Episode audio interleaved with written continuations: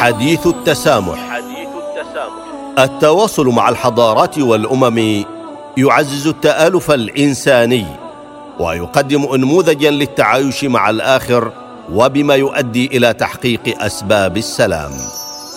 حديث التسامح برنامج يعده ويقدمه سعادة الدكتور محمد بن سعيد المعمري. حديث التسامح.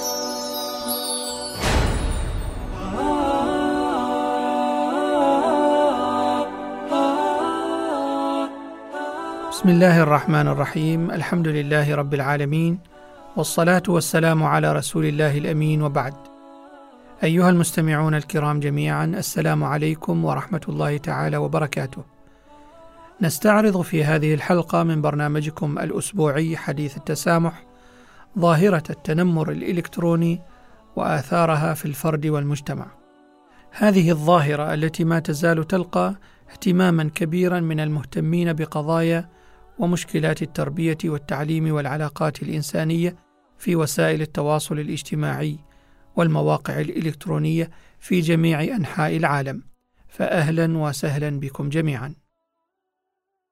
تناولنا في الحلقتين الماضيتين آثار وسائل التواصل الاجتماعي على الفرد والمجتمع من الناحيتين الإيجابية والسلبية وتعرضنا إلى المقترحات الهادفة إلى تعظيم العوائد الإيجابية لتلك الوسائل والتقليل قدر الإمكان من الآثار السلبية لها على المستوى الفردي والمؤسسي.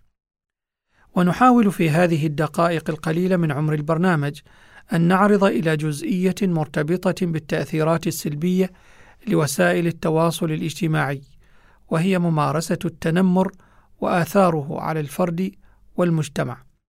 ونعرج ها هنا إلى دراسة قامت بها الباحثة أبرار الشهراني بجامعة أم القرى تناولت اتجاهات الشباب الجامعي حول ظاهرة التنمر الإلكتروني دراسة ميدانية بالتطبيق على مستخدمي منصة تويتر. بدأت الباحثة بالإشارة إلى أن مواقع التواصل الاجتماعي في عصرنا الحالي كنافذة يطل منها المجتمع أو الفرد للعالم الخارجي، ليستقي من مواقع التواصل الاجتماعي المعرفة والنقاشات سواء أكانت جادة أم هزلية، ومنهم من استخدم مواقع التواصل الاجتماعي للبحث عن صداقات أو عائلة افتراضية.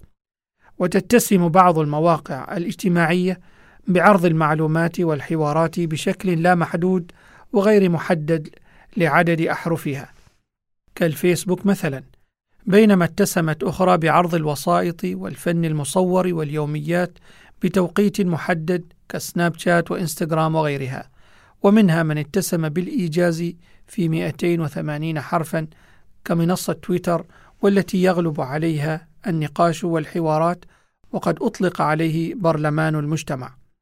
ويعتبر تويتر أحد أكثر منصات شهرة في العالم العربي كما يوجد فيها حسابات رسمية موثقة لمعظم قادة الرأي في العالم والمؤثرين العالميين والمؤسسات الرسمية والخاصة. وكما بنيت فكرة مواقع التواصل الاجتماعي على الانفتاح العالمي وتكوين مجتمع إلكتروني مثقف ومطلع، تؤكد الباحثة بأنه في المقابل كان لها سلبيات واكبت استخدامها ومنها ظاهرة التنمر. فالمجتمع يعاني من ظاهرة التنمر بين الشباب على أرض الواقع ومع تطور التكنولوجيا وظهور مواقع التواصل الاجتماعي ظهر نوع آخر من التنمر وهو التنمر الإلكتروني بشكل أعنف وأقوى حدة عن السابق. وذكرت رشا فواخري مديرة الاتصال المؤسسي لموقع تويتر في الشرق الأوسط أن أكثر من 62% من مستخدمي تويتر من فئة الشباب والذين تتراوح أعمارهم ما بين 18 إلى 34 سنة. فلهذا سعت الباحثة جاهدة تسليط الضوء على اتجاهات الشباب الجامعي حول ظاهرة التنمر عبر تويتر ودور تويتر في إنماء ظاهرة التنمر الإلكتروني من عدمه.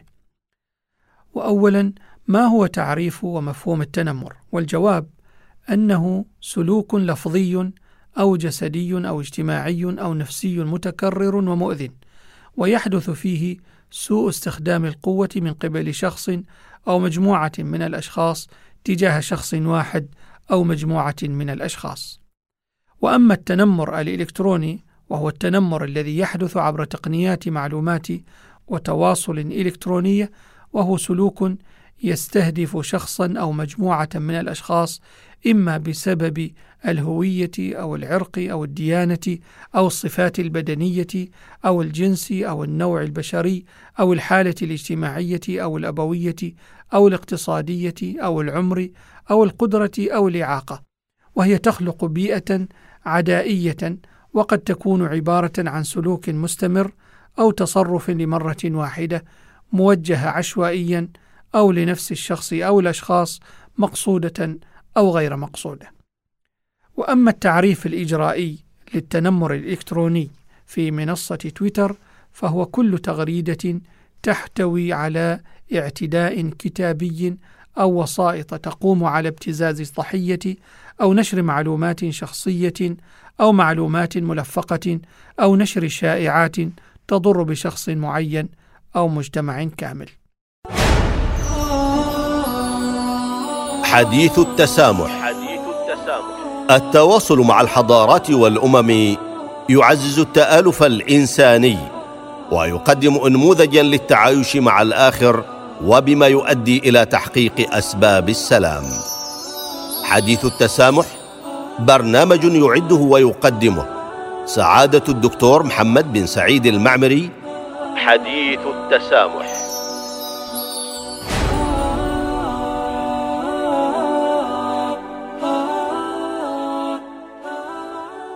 واتفقت غالبية عينة الدراسة التي قامت بها الباحثة بنسبة 69.7% على أن التنمر في تويتر أصبح عادة لدى الشباب الجامعي وأن التنمر ظاهرة خطيرة في تويتر تستدعي وقفة حازمة ضدها بنسبة 76% تلتها على التوالي تزايد أعداد المتنمرين في تويتر وتزايد متابعيهم بنسبة 64.3% ثم في المرتبة الثالثة أن تويتر أرض خصبة تساعد على التشجيع على التنمر بجميع أشكاله بنسبة 61.7% وهو ما يعد تويتر أحد أقوى منصات التنمر في الفضاء الإلكتروني. وأوضحت النتائج فيما يتعلق بالفئات الأكثر تعرضا للتنمر في تويتر هي لفئة المشاهير والشخصيات العامة بمعدل 77.7% وجاءت بالمرتبة الثانية بفارق بسيط لفئة الأشخاص ذوي الأفكار والتصرفات الغريبة عن المجتمع بنسبة 75% في حين جاء في المرتبة الثالثة المرأة بنسبة 59.3%. وأما أبرز المشاركات التي يتفاعل بها المبحوثون عبر تويتر دائما في المرتبة الأولى التعبير عن آرائهم وأفكارهم بنسبة 53% بينما عارضت أغلبية أفراد العينة المشاركة من خلال أنشر بحساب تغريدات تسبب إحراجا للآخرين بنسبة 87% واتفقت غالبية عينة الدراسة بدرجة كبيرة على أن أهم العوامل التي تساعد على تفشي التنمر في تويتر أن كثرة الحسابات الوهمية التي تنشط في تويتر بنسبة 88.3%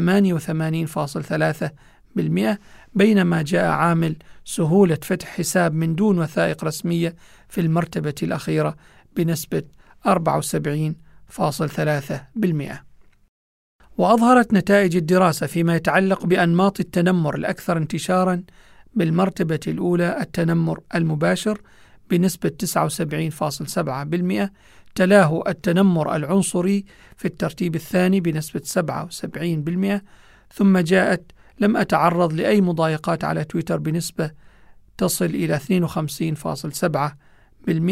في حين جاءت عدم التعرض أبدا لتلك السلوكيات للتهديد بالإيذاء الجسدي أو القتل وتعرضهم للابتزاز والتهديد بنشر معلومات شخصية أو سرية أو انتحال الهوية والصور بنسب 92 و90.3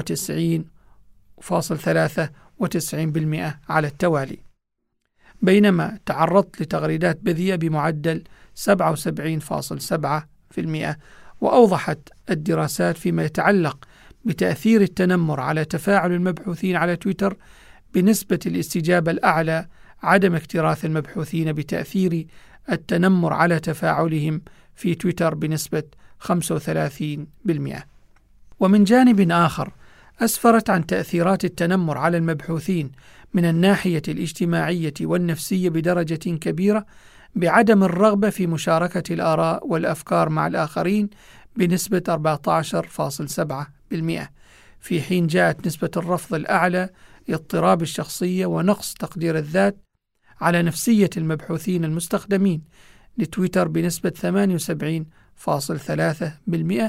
بينما اتفقت غالبية المبحوثين فيما يتعلق بالأضرار الناتجة عن التنمر الإلكتروني عبر تويتر أن انتشار التغريدة التي تحمل الإساءة بشكل سريع وعدم القدرة على السيطرة عليها وإيقافها بنسبة تصل إلى 78.3%. وكشفت نتائج الدراسة حول الإجراءات التي ينتهجها المبحوثون عند تعرضهم للتنمر في أن 51.3% من أفراد العينة يكتفون بحظر الحساب المسيء كإجراء وقائي عند التعرض للتنمر. واتفقت غالبية المبحوثين فيما يتعلق بالحلول والمقترحات الأكثر فاعلية في الحد من ظاهرة التنمر الإلكتروني أن أكثر الحلول فاعلية عبر نشر الأنظمة والقوانين والعقوبات المتخذة ضد التنمر على جميع المنصات الإعلامية بنسبة تصل إلى 76.3%. كانت تلك إخوان المستمعين والمستمعات أبرز نتائج الدراسة التي أعدتها الباحثة أبرار الشهراني حول ظاهرة التنمر الإلكتروني وآثاره على الفرد. نقف عند هذا الحد في هذه الحلقة ونواصل الحديث معكم حول هذا الموضوع في الحلقة المقبلة بإذن الله حتى ذلك الحين نستودعكم الله والسلام عليكم ورحمة الله تعالى وبركاته. حديث التسامح حديث التسامح التواصل مع الحضارات والأمم يعزز التآلف الإنساني ويقدم انموذجا للتعايش مع الآخر وبما يؤدي إلى تحقيق أسباب السلام. حديث التسامح برنامج يعده ويقدمه سعادة الدكتور محمد بن سعيد المعمري حديث التسامح